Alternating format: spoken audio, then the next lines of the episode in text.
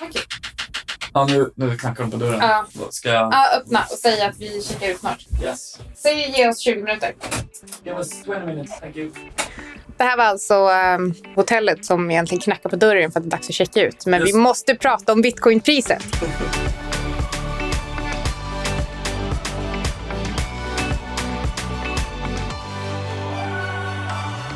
Hej, du lyssnar på Outsiders med en bonusintervju. Det här är Mikael Syding. Och det här är Anna Svan. Vi ska faktiskt snart kasta ut Micke från det här programmet för att det här är en intervju som jag gjorde när jag var på plats i New York på konsensus med Christian Ander och eh, Erik Wall.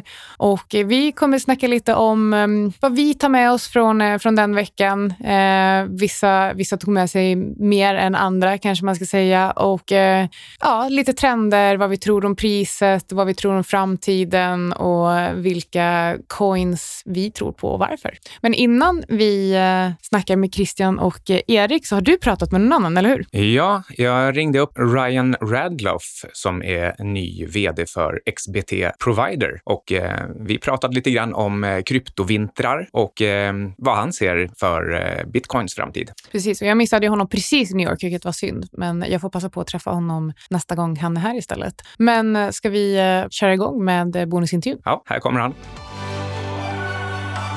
Thank you, Ryan, for uh, doing this. Uh, what can you tell me about the current trends for uh, for Bitcoin and XBT? Yeah, I mean, the um, thanks for having me on. I think when you look at the current trends right now, um, Bitcoin is a little over 10 years old. And what we see globally is that it is gaining momentum, it isn't slowing down. I think the market is realizing that over the last year, as the prices deteriorated a bit in 2018, uh, our customers didn't go anywhere. The people that are working on Bitcoin, like the developers, didn't go anywhere. Um, and everyone is more excited about the future of Bitcoin and digital money. And I think that as the larger global macro financial picture is starting to deteriorate uh, a bit more with things like the Chinese US trade war, uh, the Eurozone looking in question, Brexit, Bitcoin is starting to look like uh, a new digital form of gold to more and more people. And the strength of the overall industry uh, has endured what was we call a crypto winter. And we're now starting to see uh, really the, the spring, uh, we call, the, the spring has come back into the market, similar to what we saw in 2017. Uh, so it's a very healthy thing, to, and, and we're very excited to see that. And it's really a combination of the fact that the, the, the people that are working on our industry and the enthusiasts haven't gone anywhere, and the global macro conditions are, are really looking to deteriorate, which positions Bitcoin particularly well. How would you rank the winter of 2018-17? Uh, was it uh, the worst one, or because we've we've had around four or five of these? it was it was it, it was not the worst one. You know, we've I, I've been in Bitcoin since 2012 and have endured these before. And if statistically, it ranks to be about the third worst, so not even the second or first. Um, you know, back in when I remember in in 2011 uh, in 2012 when Bitcoin crossed a dollar uh, and then it collapsed back down to uh, 10 cents again, everyone thought that Bitcoin was dead.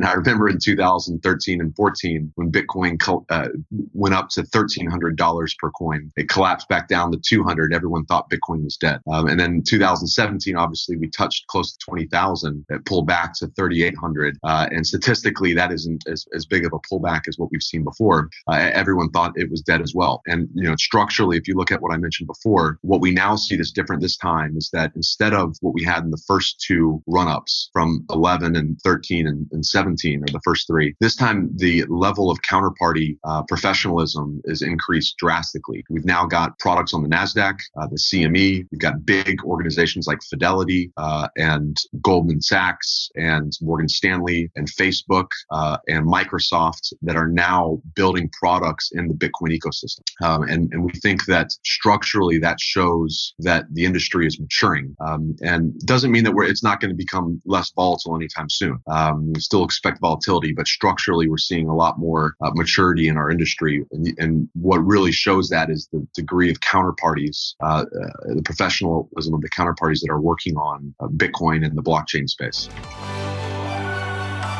Nu spelar vi in Outsiders Blockchain Edition från mitt hotellrum med Anna Svan. Och eh, Erik Wall. Och Christian Ander. Jag tänkte vi kanske ska prata lite om vad vi gör. Christian, du är ju typ min chef, eller vi kom ju fram Ja. till på vägen hit att du inte är det.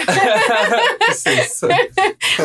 Så vad, vad, vad har du gjort innan? Vad gör du nu? Ja, men vi kan ju börja från idag och sen gå bakåt. Ja. Så landade vi i Solna ungefär för 39,5 år sedan. Okej, det låter som det kommer ta- ta ganska lång tid. Ja.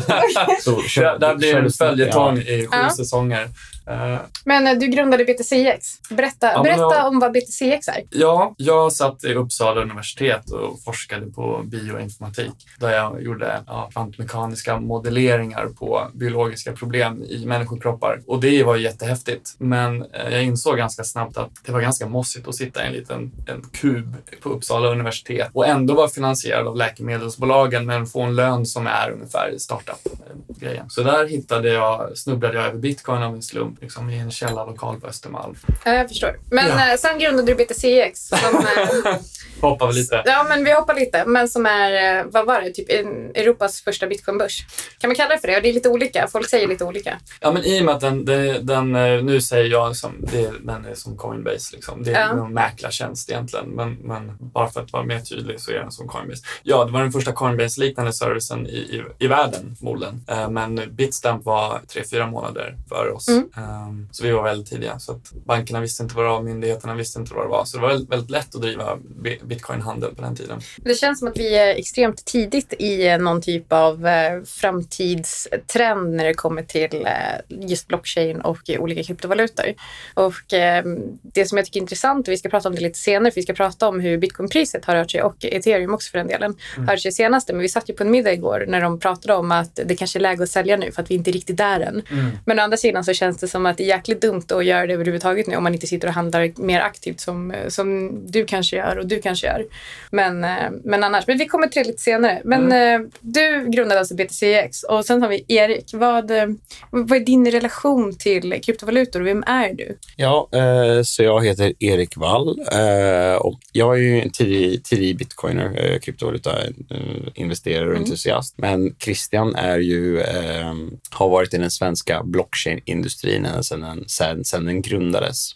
Så att du har ju väldigt liksom mycket kunskap om hela branschen i Sverige sedan den kom igång, medan jag har varit med liksom, eh, Globalt perspektiv Ja, kanske? liksom perspektiv på vad som händer på internet. Liksom. Formellt sett just nu så är jag ju fortfarande eh, strategschef, eller eh, inte bara strategchef, men jag har huvudansvarsområdet för kryptovalutor och blockchain-området. Så det är både kryptovalutor och blockchain, eh, blockchain-området på Sinober. Eh, Sinober är ju ett eh, svenskt eh, fintechbolag, finns på Kungsgatan. Eh, vi har varit, vi har varit eh, under 20 år huvudkonkurrenten till eh, Nasdaq. Som eh, Nasdaq sen köpte va? Ja, de har köpt upp oss nu. Eh, Och någonting som man måste förstå med Nasdaq, jag, jag vet inte om hur, hur, hur väl dina lyssnare vet om det, men Nasdaq är egentligen två bolag i ett. Den ena sidan av Nasdaq är de som driver börser.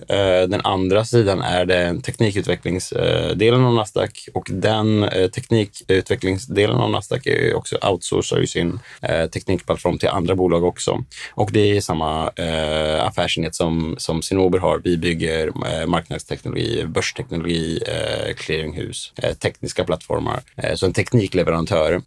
Så det bolaget har jag, har, jag har jobbat på under de senaste två och ett halvt åren och under de två och ett halvt åren så har jag haft huvud, huvudansvaret för blockchain eh, och eh, ja, kryptovalutastrategin där. Eh, men jag har ju precis sagt upp mig därifrån på första april. Så med andra ord, om det, om det någon gång snart skiter sig i det svenska blockchain-systemet så vet vi vem vi ska skylla på. Exakt. Ja, Eller rättare sagt vem man kanske borde anställa då. Ja, just det. Ja. Ja. Precis. Jag kan ställa upp det här. Men, men okej, men, så då har vi alltså Erik och Christian. Men jag tycker att vi ska prata lite om våra spaningar från konsensus. Din spaning var ju att det är mycket fest. Precis. Party man is here! Ja, men, Ja, vilka har du träffat? Vad, har du, vad, vad tar du med dig härifrån? Liksom? Vad, vad tycker du är ja, spännande? Nej, men, men, men eh, så här är det ju att eh, alla presentationer som de kör, alltså varenda presentation som eh, är på Consensus och de andra satelliteventen runt omkring eh, spelas ju in. Så att det finns ju egentligen ingen poäng med att spendera den här veckan med att verkligen vara på de eh, specifika presentationerna, utan huvudsyftet är ju att träffa människor, skaffa personlig kontakt. Eh, så att det är ju väldigt mycket fokus på nätverkande. Ehm, så att ja, den, så fort konferensen tar slut så är det ju middagar, cocktailbjudningar och det är där allting händer. Hela liksom, New York Blockchain Week händer på de här efterfest-eventen. Ja, i princip. Men eh, det viktigaste här nu då. Eh, Bitcoin har handlats över 8000 dollar. Eh, Ethereum var uppe i nästan 300 dollar. Ja. Vad står det i nu? Det tycker jag är fantastiskt. Eh, gör mig glad. 273. 273! Åh, vad härligt. Okej, eh, Erik. Bitcoinpriset. Ja, alltså nu är inte vi på EFN, eh, så jag hoppas att vi ska kunna göra en mer... Det jag skulle vilja göra nu att vi... Det här är podcastformat, så att jag skulle vilja kunna prata helt öppet. Och Du får ge- prata precis helt öppet. jag, jag skulle vilja ge mina riktiga tankar på... För att när man är på EFN, du har också varit där, man måste liksom soundbites. Man måste leverera eh, åsikter som känns väl paketerade. Och det, det är det här, det är på grund av den här grejen, det är på grund av den här grejen. Men Nu får du sväva ut så mycket du vill. Ja, så, så, och det här kommer ju vara liksom, det här är mina egna privata åsikter varför jag tror att bitcoinpriset går upp just nu.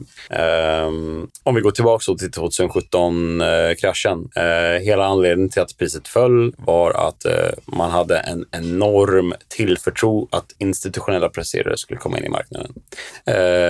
Och priset gick upp jättemycket på grund av den tron. Och sen när CME och CBOE lanserade sina kontrakt, ja, det tar ganska lång tid för, för institutionella placerare att bestämma sig för att de faktiskt ska investera i produkterna. Så att det är ingenting specifikt som händer 2017 december. Jag skrev också en bloggartikel om det här att eh, nu kommer antagligen priset kollapsa. Det är dags att shorta bitcoin. Första gången jag har shortat bitcoin på riktigt i, i mitt liv. Och priset följer också väldigt mycket.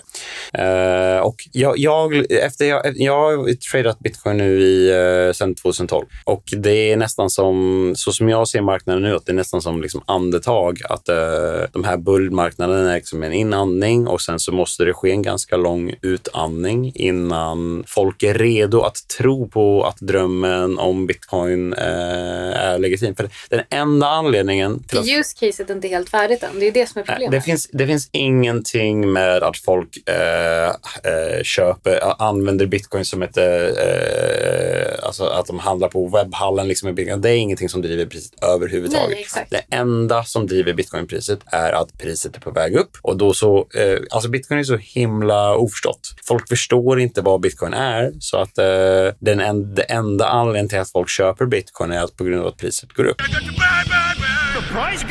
Så att nu sen den här, vi hade en helt otrolig eh, pris, eh, prisrörelse i 2017. Det gick upp till 20 000 dollar. Så började priset gå ner.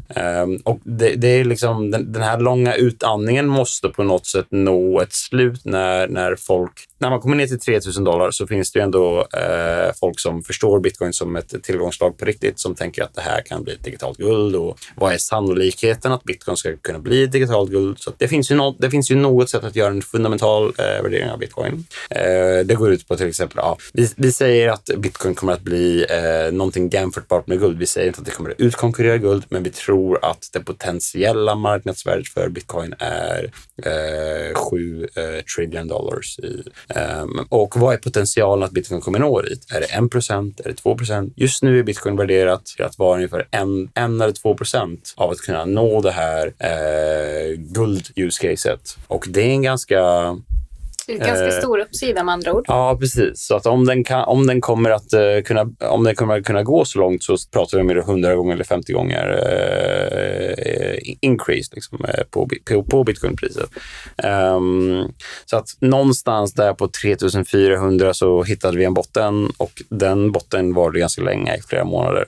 Eh, det var där jag sa till liksom, mina vänner att nu, nu eh, bitcoin är faktiskt liksom, undervärderat just nu. Det det är inte, vi, vi pratar inte om att det är mindre än, noll, eh, än 1 chans att bitcoin kommer kunna bli den här stora tillgångslaget. Så att bitcoin planar ut där någonstans och eh, jag vet inte hur, hur du känner Christian, men, men, men, men, det, men det är som att eh, man nästan kan andas ut och andas in med bitcoinpriset. Man känner att marknaden är redo, folk är redo att tro på drömmen igen. Och det enda som behövs då när vi har planat ut är att det kommer eh, en, en, en uppgång för att folk ska börja investera i tillgångslaget igen. Ja. Så nu pratar folk om att ja, Binance blev hackade. Eh, det här är en av de största kryptovalutobörserna. De hackade på 40 miljoner, eh, 7000 bitcoin som jag tror är 40 miljoner dollar. Mm, mm. Eh, och de måste, ju, ja, de måste ju köpa tillbaka de här bitcoinsen just nu.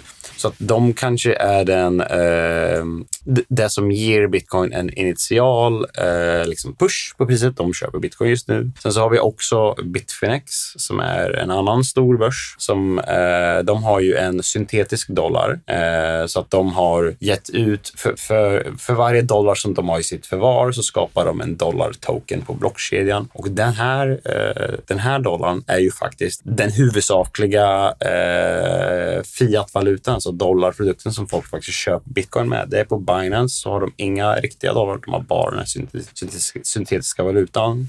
Och de har ju kört in i en mängd problem just nu. Eh, Tether, alltså de som har gett ut den här syntetiska valutan, har haft en mängd problem just nu. De har fått sina konton frysta av, vi tror att det är eh, myndigheter som har frysit deras eh, tillgångar, vilket har gjort att eh, USDT, som den heter, alltså inte USD utan USDT som Tethers valuta heter, som är det som folk köper huvudsakligen bitcoin med. Mm. Den är inte värd en dollar längre, utan den, är, den har varit, ja, nu, nu, nu så börjar den komma tillbaka upp till en dollar, men, men under ett par månader nu så har den ju handlats så att man kan köpa en Tether för 95 cent eller 80 cent, eller ja, 90 cent eller 80, eh, 95 cent. Ja. Och det gör ju, det som är så intressant med det är att när, tether, när priset på den här USD-dollarn går ner så ser det ut som att bitcoinpriset går upp på grund av att om du tittar på en sajt som CoinMarketCap som är den huvudsakliga stället där folk tittar på vad bitcoinpriset är, så har de räknat in inte bara priset i BTC USD utan också BTC USDT och majoriteten av de sajterna som räknas in i det priset är BTC USDT-sajter, vilket gör och på grund av att den dollarn bara är värt 90% eller 95% av eh, en dollar så gör det att bitcoinpriset ser ut som att det går upp mm. 10% Och som jag sa, varför köper folk bitcoin? De köper bitcoin för att priset på bitcoin är på väg upp. De förstår inte vad bitcoin är för någonting. Så det är ganska typiskt en tulpanbubbla egentligen? Jag skulle inte säga, ja, ja kanske, alltså folk köper... men, men, ja. du, men, du, förstår själva ja. konceptet av det. Man köper det, det är FOMO. Ja, precis. Så att, så att eh, du får meddelande just nu av helt totala främlingar. Jag fick med, en, mitt, eh, mitt ex hörde av sig precis nu och sa jag har si så mycket pengar över från lägenhetsförsäljning. Jag ska köpa en ny lägenhet snart. Ska jag köpa kryptovalutor? Ja. Och jag bara, please don't. Ja, och varför säger han det? På grund av att priset är på väg upp. Exakt, så kanske men det exakt känns, därför. Ja, det är, det, är, och det, är, det är faktiskt de som driver priset på, på bitcoin. Eh, även institutionella placerare. Så frågan är hur stora idioter det finns? det, ja, det, de, det är de som driver marknaden just jo, nu. Men, och då, men, men då, är frågan, då är frågan, är idioterna 20 000 dollar eller 15 000 dollar eller 10 000 dollar? Eller så här, förstår du vad jag menar? Vadå? Hur mycket kommer de driva priset? Det, alltså, jag förstår att det går inte att svara på den här frågan. Men de driver ju priset helt och hållet. Det, ja. det, det är bara idioter som... Eh, Köper du bitcoin? nej, nej, som inte... Jo, jo, jo. jo det, det, Köp guld istället. Nej, eh, citat, citat från Erik Wall. idioterna driver ju faktiskt priset på bitcoin, men vi som förstår hur man gör en fundamental värdering av bitcoin skulle inte... Nej, men vi, ja, vi, ja, jo, precis. Vi sätter bort ja, men vi, jag, jag, skulle inte säga att bitcoin är övervärderat just nu, trots det. Liksom. Men det är de som driver priset uppåt. Och det som är också så himla konstigt med bitcoinmarknaden just nu, att det är en fruktansvärt stor majoritet av bitcoin-traders som handlar bitcoin baserat på teknisk analys. Och den tekniska analysen som de använder sig av är, är inte... Li, lik den som du gjorde i början av din ja, karriär. Den, ja, vi, pratade, vi, men vi pratade om det här i, eh, för, eh, när vi drack eh, lite champagne ja. på en dagbar. Jo, det här är någonting som jag skäms över. Nej, men, men vadå? Alltså, man måste lära sig av misstag. Jag har gjort massa investeringsmisstag. Min, visste ni att mitt första VC-bolag, eller det första bolaget som jag investerade i, eh, privat, mitt första onoterade, det gick i konkurs efter två månader. Okay. Så att, nej men så här... Så du har också varit nere i den fällan? Man ah, ja, nej men självklart. Och det här var inte ett bolag som jag tänkte investera mer i, så investerade jag hälften så mycket som jag hade planerat. Men Micke var så här, köp så mycket du kan. Mm. Eh, så gick de i eh, konkurs efter ett par månader. Jag, och min första reaktion var, fan vad bra, nu har jag lärt mig massor. Det är också därför som jag är så jävla hård mot dig och säger, hur ska du tjäna pengar, hur ska du tjäna pengar, hur ska du tjäna pengar? För jag har bränt mig liksom. ja. Men eh, okej, okay. men, men bitcoinpriset, det är idioter, så sammanfattningsvis då, idioter driver priset. Eh, och, eh, alltså det började, det, gå tillbaka till den här Bitfinex-grejen. Det började med att den här tethervalutan gick ner. Det fick det att se ut som att bitcoinpriset eh, går upp. Det leder till att människor tror att bitcoin är on the rise again. Och Men, så som det alltid varit med alla personer som någonsin har investerat i bitcoin, att man ser, man hör talas om bitcoin eh, en gång och så ignorerar man det, man tror att det är bullshit. Sen så hör man om en andra gång att det är på väg upp igen. Då så tänker man, aha, jag hade väl antagligen fel förra gången jag eh, eh, ignorerade det här, så att nu kanske jag borde tänka om och faktiskt investera i det igen. Men, och det är exakt det som hände Men det var ju en annan ganska stor händelse som också hände och det var ju alltså när den bröt 4 000 dollar. Fortfarande jävligt nöjd över mina 4080. Ja, men för den låg just... Du ville köpa på 3800. Ja, absolut. Jo, men det, det, ja, men det gjorde jag lite grann. Men, men, men jag hade ju, ja, jag trodde att den skulle hinna dippa en, lite till. Uh, men det är alltid sådär, man kan, man kan alltid tjäna mer pengar. Jag sålde faktiskt 25 procent av uh, innehavet idag som jag köpte på 4080. Det kan vi ha som disclaimer för att jag kände att uh, det är faktiskt dags att skala ner lite. men poängen var att när den låg där under 4 000, för den hoppade ju upp direkt till 5 000. Det var ju bara så här pang 5 000. Uh, så var det ju tre väldigt unika köp på tre olika börser. Ah, 7 000 bitcoin. Så det, blev ju, det var ju någon som köpte 21 000 bitcoin som drev priset från 4 till 5 000, alltså som bröt den. den och jag vet inte vem det var, men det var väldigt tydligt att det hände synkroniserat. Så det var ju, det var ju en, en ganska stor aktör som klev in väldigt tydligt. Var det McAfee tror du? Nej. Antingen var det Trump eller så var det någon oljeshejk. Liksom. Jag tror mer på oljeshejk. Ja, vi, nu korkar vi alltså upp här. Vi firar att bitcoin och kryptomarknaden Nej, men det här sprutar. Den här korken. Uh, halva korken gick upp, den andra stack ner och skapade en explosion. Ja, det och, och det är precis så det är i kryptomarknaden också. Precis när man ska fira. Det är alltså, det är alltså vin över hela väggen nu. Exploderar ethereum i ansiktet på en. Och alla shitcoin flyter ut i golvet. Okej, okay, men, men för att åter... Party man is here! Men okej, okay, men för att vi ska liksom så prata lite mer och gräva ner oss på riktigt i, eh, i ämnet då. Så jag tänkte att vi ska prata lite om trender. Och Christian, du gillar ju spelbolag och eh, då spelbolag som på något sätt eh, jobbar med typ NFT. Så jag tänkte att du kan väl få börja med att berätta vad är skillnaden på en non-fungible token och en fungible token? För ja. bitcoin är ju en fungible token. Ja, jag kan ju börja med bara lite kort min analys om, om den här konferensen. Eh, så kan jag komma in på det. Men, men det är ju, jag jämför ju mycket med de tidigare åren och det här året var det ganska lagom med folk med tanke på att vi var mitt i en kryptovinter när förmodligen folk bokade sina biljetter. Eh, så det var lite downsized, så det gick faktiskt att prata med människor. Förra året var det helt galet och många ICOer eh, och det slapp vi i år. Och sen så eh, övrigt, om man tittar på entreprenörssidan så var det många developers från ethereum som sprang runt. Eh, så jag har pratat med jättemånga intressanta utvecklare som verkligen är de som bygger bygger framtiden. Men det som, eh, som, som jag såg var nytt för i år, det var ju alla spelbolag. Så det var väldigt många spelbyråer eller spelteknikbolag eh, som var där och skulle visa sina blockkedjelösningar. Vi har ju faktiskt spelbolag i portföljen och ett på ingång, så vi kan prata om det som vi faktiskt har. Mm. Eh, och de håller på med NFT. Så att, eh, men som sagt, berätta, berätta för eh, våra lyssnare, vad är NFTs? Jo, vi kan börja med fungible, vad det ja. betyder. Och det betyder att, att man kan ha två objekt som är likadana och att de är ut... utbytbara. Ja, ungefär som en 500-lapp. Det spelar ingen roll vilken 500 hundralapp du betalar med i butiken, den, de ska ha samma värde. Eh, och bitcoin är ju samma sak. En bitcoin är värd en bitcoin. Det spelar ingen roll vilken bitcoin du betalar med. Dock tror jag det kommer eh, ändra sig, speciellt efter den här Binance-hacket där 7000 bitcoin blev stulna. Så om någon kommer med, med en, en, en Binance-hackad bitcoin så kommer det värdet vara mindre än en bitcoin. Intressant. Så, så de är inte helt fungible, men, men oftast är de ju det. Och då finns det en ny kategori av kryptotillgångar som är non-fungible. Det vill säga att varje token är unik. Ja. Det är lite som eh, hockeykort. Det är lite och den, som hockeykort, den liknelsen ja. drar jag bara för att vi ska kunna förklara vad det är det här bolaget som vi äger gör. Ja, just det. Mm.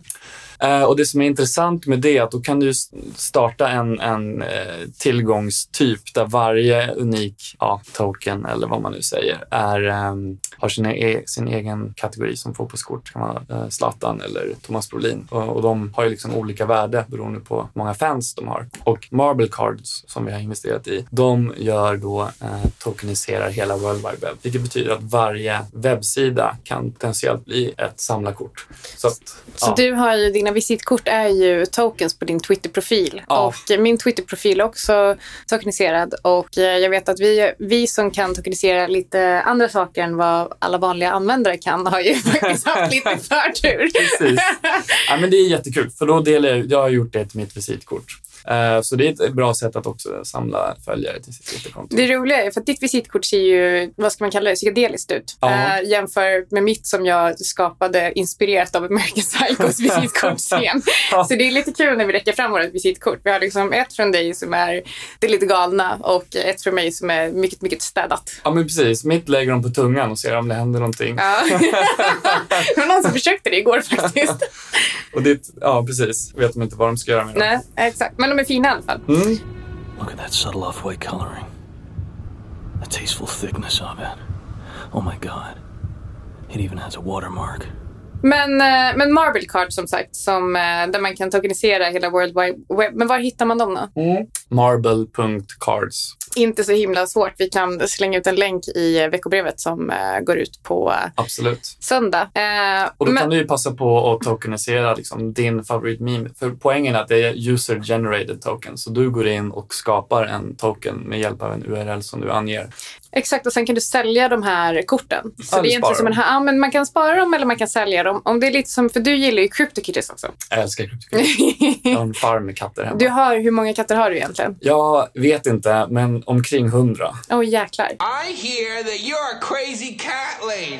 Det, är vad du gör på fritiden liksom? Odlar katter. Odlar katter. Breedar. Breedar katter. Vad säger man? Det är digitalt. Jag vet inte. Uh... Erik, vad skulle du säga? Va, oh, jag skulle bara ställa en eh, generell fråga till det, hela den här saken med non-fungible tokens. För vi pratar till exempel här om att eh, tokenisera en eh, webbsida. Eh, vad förhindrar egentligen att man tokeniserar sin webbsida på två olika plattformar? Men det är det som är själva poängen. Det är klart att du kan starta liksom, ett nytt bolag och tokenisera det på ett annat sätt. Men de, alltså, det kommer ju fortfarande inte se likadant ut. Marble Cards har det på ett sätt. Skulle du starta något annat som heter, jag vet inte, Barbel Cards, då är det fortfarande en annan. Men hela poängen med eh, non-fungible tokens och eh, men du kan digital scarcity ja. är ju att det finns bara en ja, representation och, men, och ja, precis. Men det Om blir du kan ju, ha flera ja. representationer, finns det något hinder? Hur ska man veta om jag köper ett... Jag kan, ett, äh, ja, du kan, du kan. Ja, men jag förstår precis vad du är inne på. Och det är ju samma problem som alla, alla eh, ethereum-baserade eller blockchain-baserade projekt har. I och med att allt är öppet. Smarta kontrakt är ju bara copy and paste. Och det är ju så att om, om du skulle göra en, en CryptoKitties eller Kottis eller bara kopiera CryptoKitties. Jag vill säga CryptoDoggies. CryptoDoggies, ja. Så är det ju så att eh, det är nätverket som är det viktiga. Och det har vi sett många gånger när det gäller bitcoin. Du kan klona bitcoin och göra en till bitcoin, men det handlar ju om att ha användarna. Så för Marble Cards handlar det om att få tillräckligt många användare och momentum innan en konkurrent kommer och tar över. Men det är inte exakt det jag menar. För jag Nej. tänker att eh, om vi tänker nu att eh, du eh, har ägandet av en viss eh, produkt som finns utanför blockkedjan mm. och du tradar den via non-fungible tokens på blockkedjan. Hur vet du att det inte finns flera non-fungible tokens på olika blockkedjor som representerar samma externa tillgång? Ja, men, det, ja, men Marble Cards handlar inte om eh, fysiska produkter, så det problemet finns inte här. Ja, okay. Det här är intressant. Vi ska prata om guldbackad krypto sen, så det är ju lite det. ja, man skulle kunna göra samma sak för guld. Man har ja. en guld, man tokeniserar det på olika plattformar och säljer samma guld. Det är lite som centralbanker tycker mer pengar än vad de har eh, guld att backa upp det med. Men du, Erik, det här är ju en affärsidé. Att ha en blockkedja där man spårar liksom or originaliteten av saker och ting. Ungefär som ett Google. Alltså om man, om man tittar så här, ja men är det någon som har tokeniserat den här tillgången? Och så kan man bara söka i en databas och se, så här, ja men titta, det är tre stycken som har claimat just den här fysiska tillgången. Um, mm. Inget jag tänker på. Okay. Nu, fick du, nu fick du den, så att nu behöver du inte vara avundsjuk på Christian längre. Nej, men vi ger den till publiken. se, om, se om det händer någonting. Se om de nappar. Men, eh, men okej, vad, eh, tittar du någonting på NFTs eller vad, är, vad, vad tittar du på egentligen? Eh, ärligt talat, jag förstår inte NFTs. Eh, säkert väldigt intressant, eh, men det är inte någonting som jag tittar på överhuvudtaget. Eh, Vad tittar du på? Ehm, ja, så jag, jag berättade att jag precis eh, lämnat eh, Nasdaq slash Snowber nu eh, väldigt nyligen och det, det jag tittar på just nu är att om man tittar på hur det ser ut för att institutionella placerare ska kunna komma in i marknaden. vad finns det för instru instrument för dem att investera i? Och det vi har just nu är till exempel CME eh, Futures, vi har GBTC-instrumentet i eh, USA och vi har, ja, i Sverige så har vi också XBT Providers eh, ETN. Och sen så har ju eh, Fontobel också. Eh, nej men det finns ju e egentligen massa olika alternativ om man nu skulle vilja investera i eh, bitcoin eller ethereum. Men eh, men däremot så saknas det egentligen typ eh, möjlighet att exponera sig typ mot en korg av eh, kryptotillgångar. Ja, exakt. Det hade ju varit jätteintressant. Ja, men problemet är att eh, krypto, kryptovalutamarknaden är inte alls redo eh, just nu för att skapa en, att skapa en, en indexprodukt på aktiemarknaden. Eh, fullkomligt legitimt. Det är liksom en, en ganska etablerad eh, marknad, men kryptovalutaprodukter är ju så himla eh, oförstådda. Att det finns... vad, vad är utmaningen där? Vad, vad, vad, vad, faller man på om man skulle göra en, en krypto? Ja, nej, till exempel, jag tror att Tron till exempel, som vi precis pratade om, Justin Sun, är ju ändå, vad är han, topp 10? Ja, uh, ja. det, det, är så mycket skräp uppe i... Uh, i och dessutom... Uh, men hur, om, hur... om folk ändå vill investera, vad, vad, vem skulle säga nej?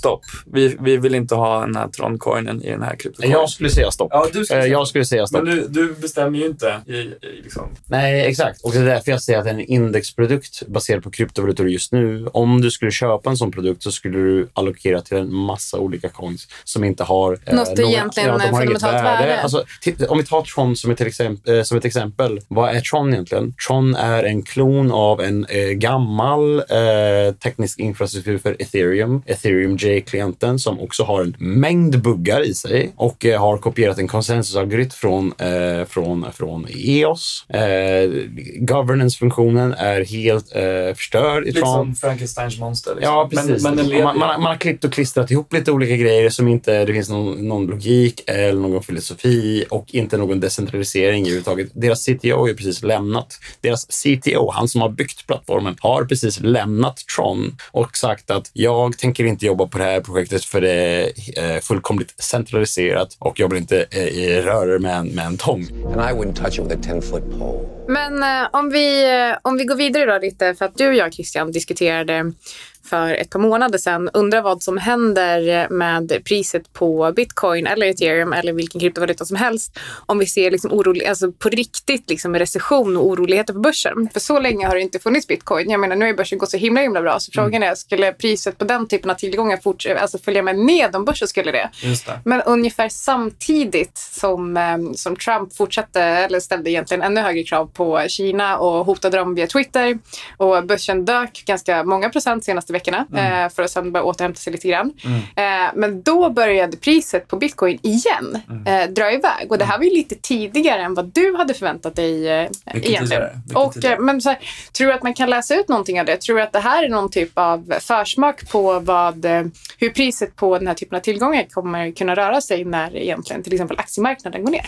Det, det är det som har varit kanske oron att, att när börsen dyker så följer bitcoin ner. För att just den här korrelationen som du pratar om, så det här är ju jätteskönt att se att de inte korrelerar. Eh, och sen så att bitcoin har, liksom, eller hela kryptobranschen egentligen har gått upp 100% nu på två månader. Eh, det är ju också ganska spektakulärt. Eh, nu har jag hela tiden sagt att, att, att, det är undervärderat för att det har byggts så himla mycket sen, sen toppen och liksom det, det, är lägre än vad det borde vara. Och samtidigt så bara eh, rusar det uppåt så här, vilket, ja men då, då tycker jag återigen, ja men då är det ohållbart när det bara går så högt. Men om man tittar på men varför har det gått upp? Och det är ju, ja men visst, eh, Amerikas president tweetar liksom, det, det är tecken att bitcoin ska upp tydligen. Men, men det har ju varit institutioner nu som har eh, varit de mest aktiva köpare. Om man får ta och, och vad, man, vad jag har hört det är svårt att egentligen veta. Men, men, eh, Det som jag tycker är lite intressant med det är att det första jag kommer att tänka på då är kreditcykeln.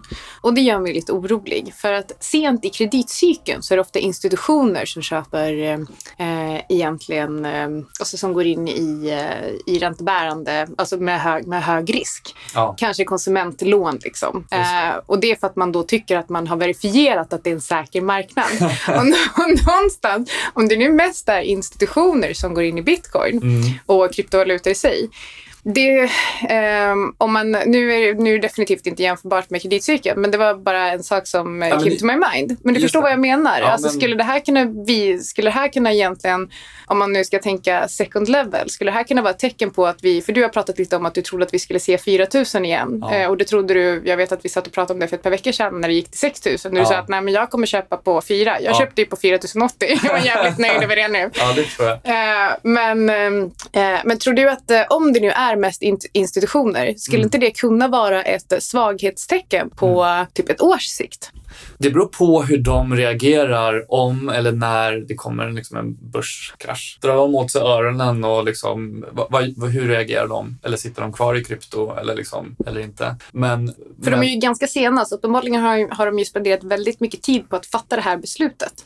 Jag tror att de började fatta det här beslutet december 2017. Eller det tror jag också. Oktober kanske. Och sen hade de inte någon möjlighet att gå in då förhoppningsvis. Eller ja, men det var ju mest retail som drog den, den stacken. Eh, och sen har de bara jobbat på hur ska vi kunna liksom bygga eh, en produkt så att våra, våra investerare kan köpa in i, i kryptovalutor. Det är ju mest bitcoin de köper. Eh, så jag tror att de har ju köpt nu, alltså det här är ju min gissning, att de har gjort en analys av marknaden och att ja, men det såg ut som att botten var nu i, i december 2018 och de börjar köpa in. Eh, nu ser jag att Erik har skrapat ja, men, men vi, ja, jag, jag, jag, jag bara reagerar på att vi måste ju faktiskt inte gissa eh, när vi tänker på hur institutioner investerar investerare. Vi vet vilka produkter det är som institutionella eh, investerare placerar i huvudsakligen.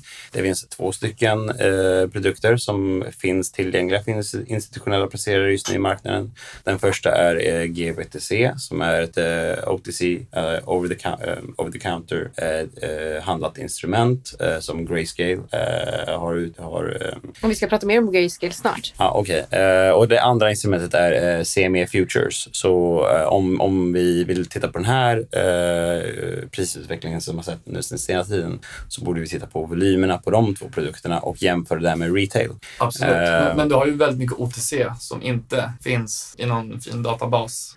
Men min, ja. men min fråga är egentligen om du tror att eh, det kommer in institutionella investerare om det betyder att vi är sent eller tidigt i en ny cykel? Ja, eh, men det kanske skulle vara ganska intressant att bara titta på datan, hur, hur, det ser ut just nu. Eh, så, men jag, jag, Anna, kan du göra det? Nej, men jag, jag, nej, men, Eh, jag, jag riktar din uppgift. Ja, nej, men jag, jag, jag, nej, men jag kan, jag, jag har ja. datan i mig. Även att jag har varit nu på eh, senaste veckan på eh, Consensus och bara varit på de här eh, super-eventsen. men, men, men man lyckas ändå snappa upp en del. Det här är Nykterhetspodden. Ja, uh, yes. ja, nej men uh, så om, vi, om vi tittar på det, uh, hur, hur det ser ut just nu. Uh, på toppen av den förra bubblan 2017 så hade Coinbase ungefär en, en miljard en, en miljard eh, varje dag eh, dollar. Och det, var, och det, var, retail eller var det Ja, så Coin, Coin, Coinbase är nästan bara retail. Ja. Så de hade en miljard varje dag under hela decembermånaden. I omsättning? Eh, liksom. eh, nej, alltså ja, precis. Ja. Eh, traded volume. Ja, precis. Eh, mm. nu så ligger de på ungefär 300 miljoner dollar. Så att det är kanske en tredjedel som, av retail-investerarna som, som Det är som ju handlar. positivt. Det säger en hel del om att det, det finns högre nivåer. Nej, nej, nej, nej. Vi snackar om 30 procent. Alltså ja, jag förstår det. Ja, men, om, men om man jämför då så betyder det att det finns större potential som man redan sett då? Ja, så, de, så, så de, eh, det finns ju två stycken börser som eh, faktiskt har eh, new all times highs just nu och det är eh, CME, eh, Chicago Mercantile Exchange mm. och eh, BitMEX. Chicago Mercantile Exchange har skjutit över med 50 procent från deras tidigare högsta nivå och det är ju nästan bara institutionella placerare eller accredited investors eh, folk som inte kommer från den traditionella eh, bitcoinindustrin som köper de här produkterna. Så att den produkten, just nu så är det eh, billion eh, traded volume i, på, en, eh, på 24 timmar i den produkten. Eh, jämför man det med BitMEX som är den eh, mest likvida eh, derivathandelsplattformen för retail-investerarna så har de ungefär 10, 10 eh, billion dollars traded där. Men eh, när, vi, när vi snackar om notional, eh, notional traded volume så är det olika för att BitMEX har ju extremt mycket mer have hävstång. Eh, eh, genomsnittsnivån på hävstång på BitMEX just nu är 22 gånger. Eh, ja, 20, det är 20, de, de är, och dessutom, det som är så sjukt med BitMEX Det är ganska är, lätt att bli av med sina pengar. Ja, som, om inte, som om inte krypto är volatilt nog. Liksom. Nej, ja. Låt oss ta det gånger 22. Ja, 20, 20, mellan 22 och 30. det 22, 22 är för långsidan och 30 är för shortsidan. Ja, det är Fy helt absurt. Och det, det, det, betyder alltså att om bitcoinpriset rör sig mer än 5 mm. Så blir du automatiskt tvångslikviderad ur din position. And it's gone. Uh, what? It's gone. It's all gone. Och då pratade vi lite om skatteeffekter i Sverige på det också. Att mm. du bara kan skriva av 70% av förlusterna på... Ja. Så du kan alltså på riktigt fullständigt gå i konkurs på det här. Ja, men vi hoppas att Skatteverket inte pratar så mycket med Bitmex för, för de investerarna som använder Bitmex. hoppas inte att Skatteverket lyssnar på det här avsnittet. Nej, min poäng är i alla fall att eh, om vi tittar på eh, de eh, produkterna som institutionella investerare kan investera i. De pikar just nu. De har sina högsta nivåer någonsin medan retailprodukterna ligger ungefär på 30 procent de var tidigare. Men hur ligger Bitmex då jämfört med hur de var 2017? Bitmex har sina högsta, de har sina högsta siffror någonsin just nu. Ah, okay. och och likadant med CME. Mm. Eh, så det är derivatprodukter som, som eh, ja, eskalerar och når högsta nivå eh, just nu medan retail-sidan, de som köper Men Bitmex är väl retail? Bit, bit, bit, bit, Bitmex är retail. CME är inte retail. Och GBTC, Grayscales produkt, oh. är ju nästan 70 procent institutionella placerare som investerar via men, men Grayscale. Och de når också högsta nivåer nu just nu. Men mitt finans finansiella rådgivning som inte är rådgivning då. Är, Vi ger inga rekommendationer i den här podcasten. Tack för förtydligandet. Är att köpa till midsommar. men, eh, men när vi nu ändå är inne på Grayscale, för jag känner att vi behöver liksom så gå vidare lite. Uh, Grayscale har ju kampanjen Drop Gold. Och du och jag är inte helt överens här. Nej. Nej, för, nej, jag, nej, men för jag tycker ju att uh, man inte ska jämföra krypto med guld överhuvudtaget. För att jag tycker att det är helt olika tillgångslag. Och hela min poäng med att poängtera det här är att du kan inte säga sluta investera i guld och köpa bitcoin istället. För att jag tänker att för det första, jag vill investera både och. Och om du säger till investerare, om det är så vi marknadsför kryptovalutor, då kommer vi förlora jättemycket potentiella investerare som mm. tror att du måste välja något av det. Så det är min poäng egentligen. Att äh, äg lite av framtiden, äg lite av historien. Men om du säger till gamla investerare som är vana vid den här typen av tillgångar, så reella tillgångar som, eh, som guld. Om du säger till dem att bitcoin är istället för guld, då kommer de inte ens vilja titta på kryptovalutor. Och det är därför som jag ställer mig kritisk till den här kampanjen. För att jag tror att man förlorar många potentiella investerare i en tillgång som faktiskt är och kommer ha en stor del av framtiden. Okej, okay, jag, jag förstår inte det argumentet överhuvudtaget. För vad är en investering? Jo, en investering är ju någonting som är för framtiden. Så det enda intressanta med en investering är hur kommer de här olika tillgång, tillgångslagen utveckla sig i framtiden. Men, um, men varför tycker du att det är jämförbart med guld och bitcoin? Varför är det samma jo, tillgång? Jo, det kan jag förklara. Är det, är det fungible? Nej, eh, jag, jag, kan förklara exakt vad det är. um, uh, Bitcoin, Bitcoin har ju nu lyckats återskapa de attribut som guld har, fast i en digital form. Och om vi tittar uh, samhället eller uh, mänskligheten överlag, så fort någon lyckas återskapa en fysisk produkt i ett digitalt fenomen så övertar den digitala produkten den fysiska produkten komplett. Vem, vem av oss skickar eh, fysiska brev idag? Vem skriver ner information? Och Ja, okay. vi, vi, vet, vi vet en person som gör det, men vi ska inte, vi ska inte prata vi ska om inte prata om det alls. Nej, eh, men... 9 är ju ändå digitalt, det vi skickar med. Ja, nej, men så fort, så fort du har möjligheten att ringa någon eh, eller skicka ett sms eller text så slutar ju du posta brev omedelbart. Egentligen. Det tar visserligen en, en del tid för att teknologin att bli adopterad och eh, eh, mainstream, men det är liksom oundvikligt att den digitala produkten ersätter den fysiska produkten om den har samma eh, attribut, samma, mm. samma användningsområde. Och det vi tror men, med bitcoin ja, men, är att det har samma. Fast du, nu, nu är du lite narrow-minded, för du, nu tittar du bara på eh, de attribut hos guld som egentligen används som, eh, alltså, som i form av investering. Men det du missar när det kommer till guld är ju att det faktiskt används inom industrin, nej, framförallt inom nej, nej, rymdindustrin. Nej, nej, nej, Guld har varit den, eh, eh, den absolut mest framgångsrika eh, eh, produkten för pengar pengar och investeringar det här gillar i tusentals jag. år. Ja, absolut. Och det är därför. Och, och mm. eh, om vi går tillbaks eh, bara, bara hundra år. Hur många eh, elektri elektriska kretsar fanns det för hundra år sedan? Inte så många, va? Det är en ganska ny, nej, det, är, en ganska ny företeelse att guld faktiskt används i industrin. Går det tillbaks bara hundra år Men så- så var det noll produkter som användes i och ändå, trots det, trots att det inte fanns något industriellt eh, användningsområde för guld, så var ändå guld den huvudsakliga produkten för att förvara sina pengar och eh, spendera sina pengar i tusentals år. Så du kan absolut inte köra argumentet att guld har användning i industrin och det är därför guld är... är Men, nej, men, guld- nej, men, nej, inte bara därför, men det är därför också. Så jag menar bara att guld har fler attribut än vad bitcoin har. Men det är inte men- det som gjort att guld har blivit eh, värdefullt. Nej, nej, absolut inte. Absolut inte. Men guld är också en inflationssäker tillgång. Men det jag menar är att man inte ska välja. Det är ju min poäng. Och det jag menar är också att du ska inte säga till investerare som är vana vid att investera i guld att köp bitcoin istället.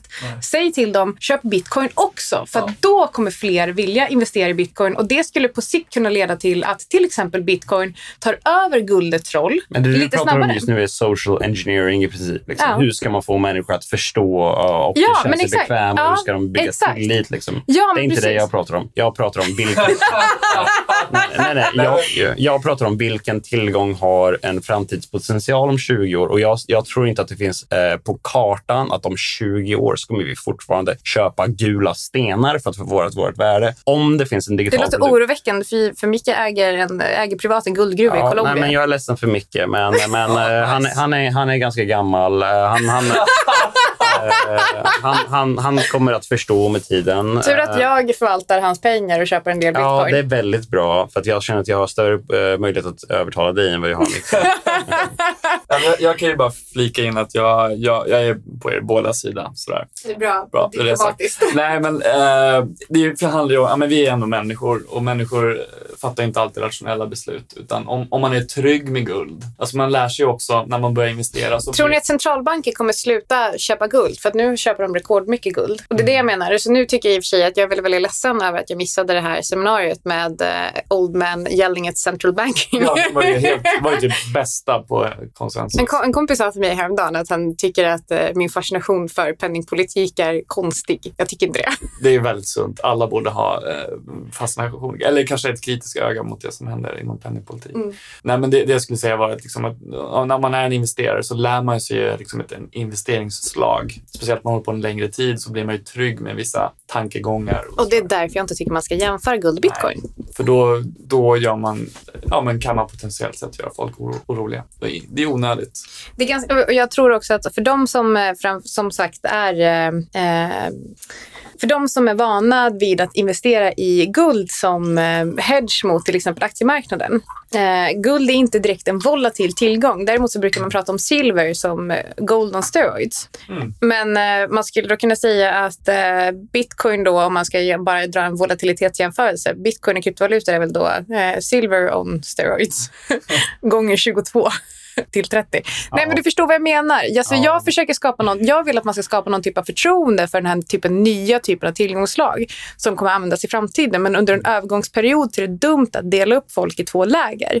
Jag tycker inte att man ska prata om guld eller bitcoin. Jag tycker att man ska prata om hur ska man egentligen hitta en bra riskspridning i portföljen just nu eh, som faktiskt fungerar. Det du pratar om just nu är att hur vi ska övertala människor att... På sikt, ja. eh, Istället för att jämföra jag, Det jag saker. pratar om är hur vi ska allokera våra egna pengar Mm. för att tjäna så mycket pengar som möjligt. Och då borde vi ju skita helt fullständigt i vad alla men andra människor gör. Vi borde Absolut. tänka på det som, som... Och centralbanker, by the way, är ju de, de longst, slowest adopters in the world. Liksom. Ja, så du ska inte följa, det, Ja, du ska inte följa deras råd. Nej, men jag tror att det är Trump som har finansierat Grayscales senaste kampanj. För han, han köper ju guld nu, så han vill att folk ska sälja guldet billigt till honom. Men sen tror jag att de också köper bitcoin. Eller nu har jag ingen aning om, om Fed köper bitcoin eller inte, men, men andra... Det tror jag inte de gör. Du tror inte det? Nej, jag tror inte att Fed köper bitcoin. Nej, nej, kanske inte just Fed. men US Treasury. Ja, ja, men det är inte samma sak. ja.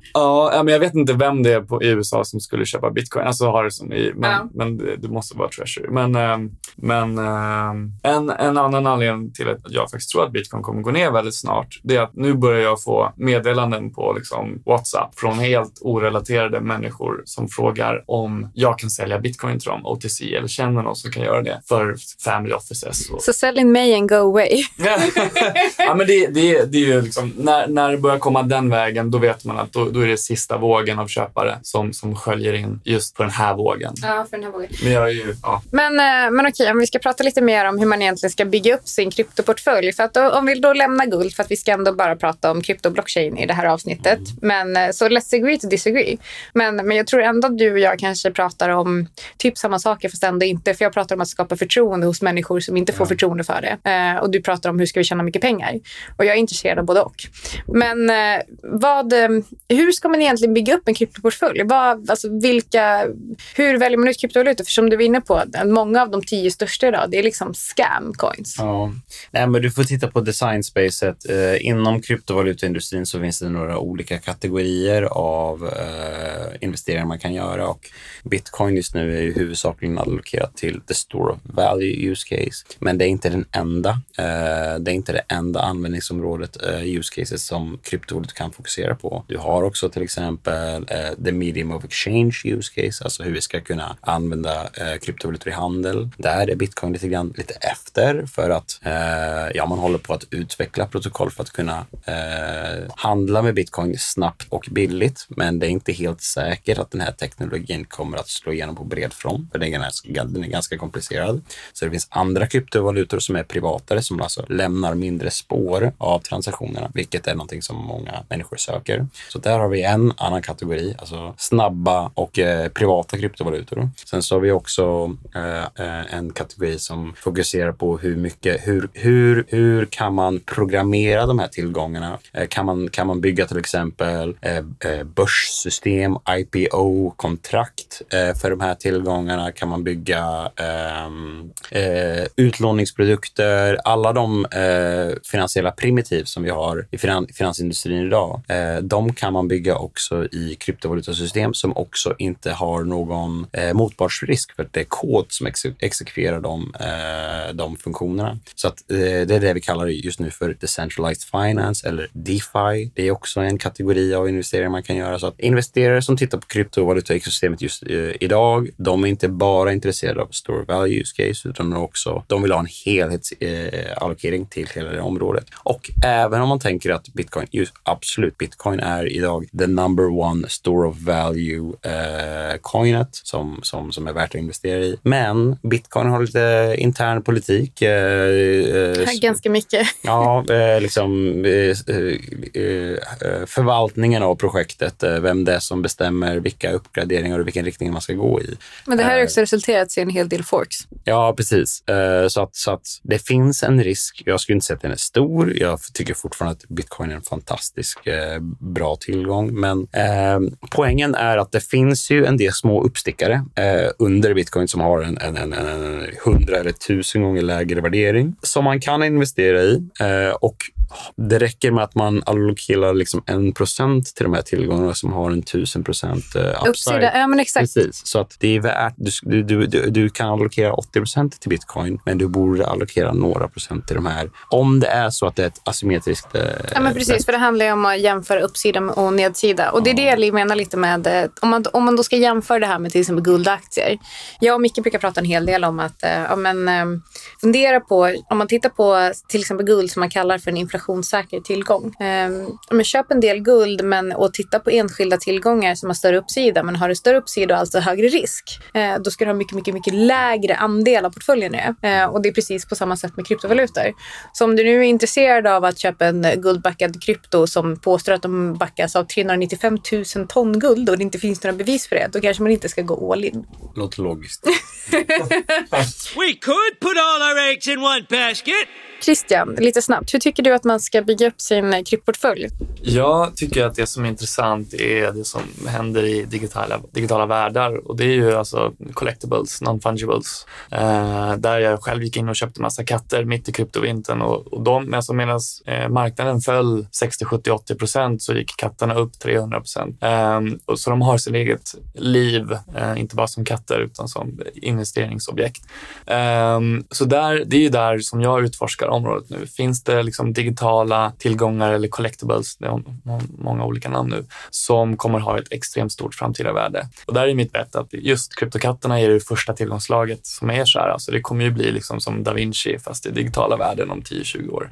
Um, men också när digitala världar blir större och större så kommer in-game items hamna på blockkedjan och det kommer bli en helt ny ekonomi. Och där är ju liksom spelvärlden är redan nu större än hela musik och filmbranschen tillsammans med hundratusentals användare över hela världen. Um, och där tror jag alltså egentligen blockkedjan som ett användningsområde kommer totalt förändra verkligheten. Både den digitala verkligheten men också den fysiska världen. Men för att runda av det här, för att nu har de knackat på dörren och vill att jag ska checka ut från det här hotellrummet. Housekeeping. Vad, vad vill ni liksom skicka med eh, våra lyssnare? Är det dags att på riktigt titta på bitcoin och i så fall hur ska man positionera sig? Tycker ni att man ska ta en så här, ska man ta den size som man vill ha nu eller ska man, ska man avvakta eller ska man eh, ta lite i taget? Liksom så här, typ månadssparande. Ja, men du förstår vad jag menar. Ja, tyvärr, jag har ett tråkigt svar. Jag tycker inte att någon person som inte förstår eh, bitcoins roll i det makroekonomiska eh, ekonomiska perspektivet ska investera i bitcoin för att de kommer att, ja, inte förstå, de kommer, de kommer sälja när den är på väg ner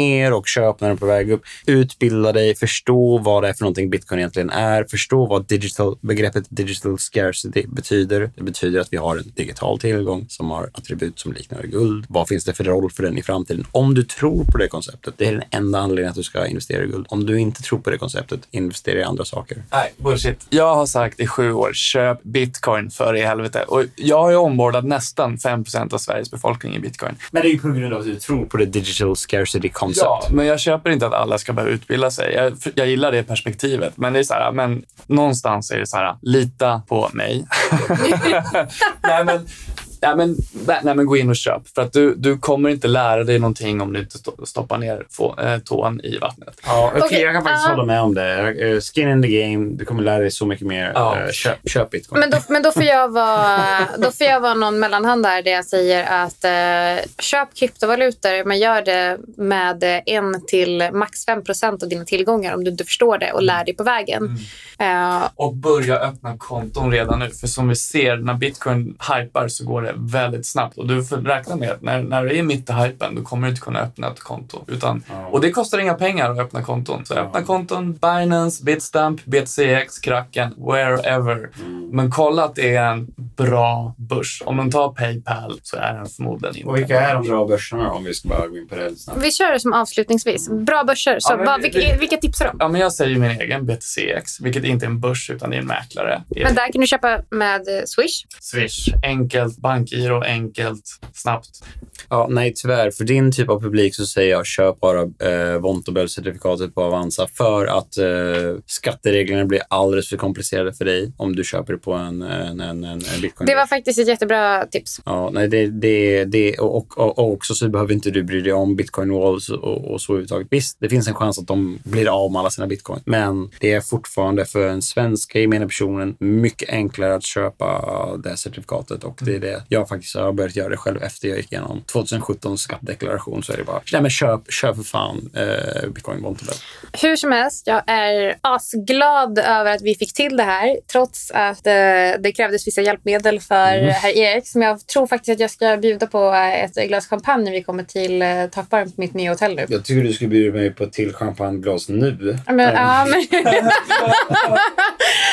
Hur som helst, skitglad uh, över att ha varit i New York med er. Asglad att ha... Christian känner jag ju väl, liksom, i och med att vi jobbar ihop. Men asglad över att jag och Erik lär känna varandra mer. Det känns som att vi hittar varandra mer och mer ju mer vi ses. Liksom. Skrämmande mycket. Skrämmande mycket.